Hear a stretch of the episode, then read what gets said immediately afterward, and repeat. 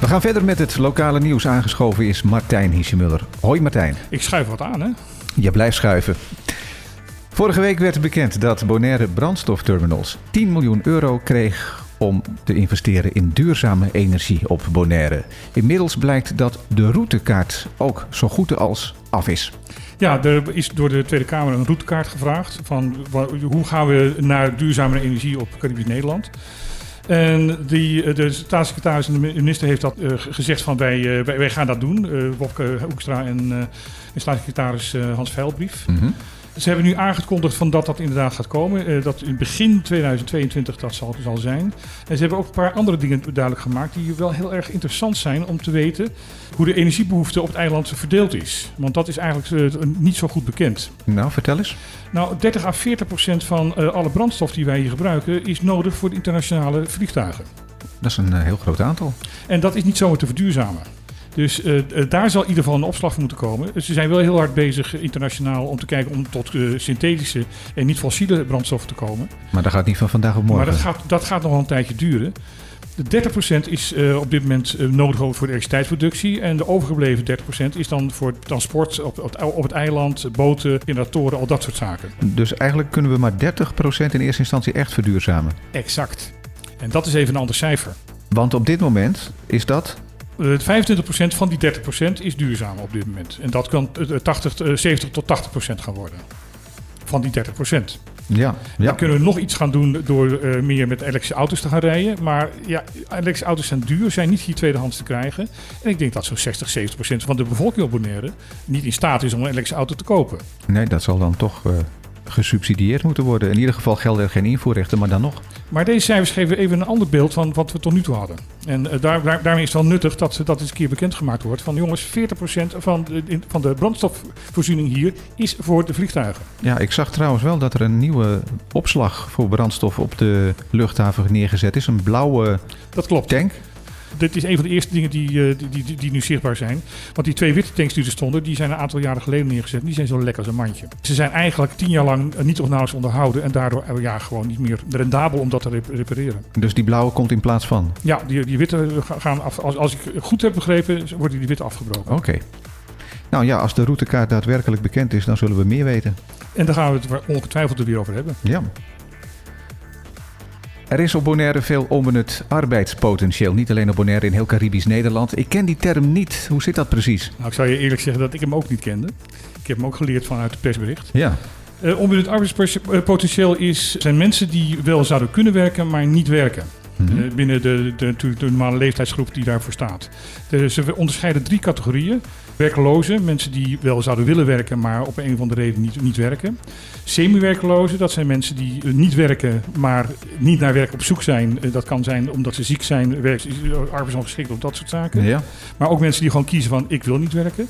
En dan heb je onbenutte deeltijders. Dat zijn mensen die uh, niet 40 uur per week werken, maar dat eigenlijk wel zouden willen. Die willen meer werken dan de uren die ze nu werken. Die ze nu werken, ja. ja. Je hebt ook deeltijders die heel erg tevreden zijn met het aantal uren dat ze hebben. Dus die worden daar niet bij gerekend. Ja, om hoeveel mensen gaat het op Bonaire? Om 2800. Dat is natuurlijk op, 22, op 21.000 mensen ja, behoorlijk veel. Een aantal. Het is, dit is uit uh, 2020 trouwens, deze cijfers. De CBS uh, die loopt altijd een jaar achter. Ja, ja, ja. ja wat, moet er, wat kan er gebeuren om dat, om dat cijfer omlaag te brengen? Nou, het, het is opvallend van dat het veel laagopgeleide jongeren zijn. En die vallen dus buiten het boot omdat ze punt 1 jong zijn en uh, weinig uh, arbeidservaring hebben. En ondertussen ook nog eens een keer laag opgeleid zijn. Waardoor ze dus uh, in de huidige maatschappij weinig kans maken. Omdat ja, steeds, ook in Bonaire opleiding steeds belangrijker wordt. Ook in, in werk krijgen. Ja, ja. Dus ja, opleiding is wel een van de belangrijke zaken die, die zullen moeten gebeuren. Wil je deze groep wat, aan het ja, werk krijgen. Misschien wat bijscholing dan ook voor degene die de opleiding al achter de rug hebben. Ja, en tweede kansonderwijs. Ja, inderdaad. Dat is een hele goeie. Nog wat cijfers uit 2020. Die betreffen de prijzen van consumptiegoederen. Ja, in 2020 blijkt dat de prijzen gedaald waren. Volgens mij is dat dit jaar anders, maar ook hier geldt het CBS loopt een jaartje achter.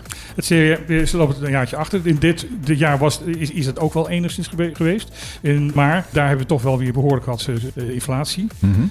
Maar het belangrijkste oorzaak van dat de prijzen gedaald zijn voor het levensonderhoud is de subsidie op elektriciteit, eh, wa- water en internet. Die er vorig jaar inderdaad was en die dit jaar is afgebouwd, of Is- bijna is afgebouwd. Ja, dus alle beloftes van we gaan de onkosten van, de, van, de, van het levenshoud onder, eh, gaan, we, gaan we omlaag brengen. Dat is dus in 2020 ge- gebeurd en is nu weer afgeschaft. Ja, dus je ziet dat dat zeker effect heeft Het gehad. heeft absoluut effect. Deze cijfers van CBS laten zien dat dit absoluut effect heeft. En daardoor is het eigenlijk ook heel erg raar dat dat dus afgeschaft is. Ja, raar, raar en triest zou ik bijna zeggen.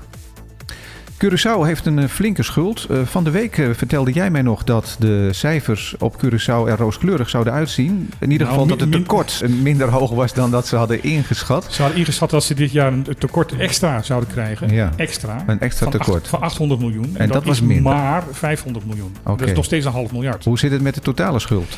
Eh, 4,2 miljard gulden. Ja, nou dat is een, eh, een bedrag wat zo'n eiland toch eigenlijk helemaal niet meer kan opbrengen. Daar komen ze nog nooit meer uit. Daar komen ze nooit meer uit. Dat is echt een groot probleem. Plus dat je moet rekenen van dat dus alle schulden die ze voor 10-10-10 hadden, door de Nederlandse staat zijn kwijtgescholden. Ja, dus Dus dit- toen zijn ze met een schone lei begonnen. En in 11 jaar tijd hebben ze toch weer een tekort van eh, 4,2 miljard op weten te bouwen. ja, zit, zit daar dan ook al die coronasteun bij die terugbetaald moet worden? Ja, daar zit wel die coronasteun, want dat zijn leningen. Maar de, de, de, de, trendjes voor de, voor de, de, de coronahulp zijn 184 mil- eh, miljoen, eh, 76 miljoen. Dus dat- Minder, minder dan een half miljard in ieder geval. in ieder geval heel veel minder dan een half Ja. miljard. Ja, hoeveel jaar denk je dat er nodig is om dit weer een beetje naar beneden te brengen?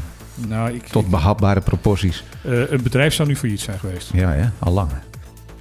Dan nog even naar Sint Maarten. De ombudsman heeft over Sint Maarten gezegd dat het hulpgeld dat destijds werd gegeven of beschikbaar werd gesteld eh, voor de schade die orkaan Irma had aangericht, muurvast zit. Ja, we hebben het dan over de, de ombudsman van eh, Sint Maarten, niet de Nederlandse ombudsman. Eh, zij zegt, uh, Gwendolyn Mossel zegt, van dat het systeem eh, dat het uitbetaald wordt via dat geld wat door Nederland is beschikbaar gesteld. En dat is een, een, of meer dan een half miljard, 550 miljoen euro. Dat, is, eh, dat loopt via de Wereldbank en dat werkt niet. Want eh, het is te bureaucratisch, er zijn allemaal assessments nodig om dat los te krijgen. Dus twee jaar geleden is de ombudsman van, van Sint Maarten begonnen met een onderzoek. En komt na twee jaar tot ontdekking dat eigenlijk de mensen die toen niet, al niet geholpen waren, nog steeds niet geholpen zijn.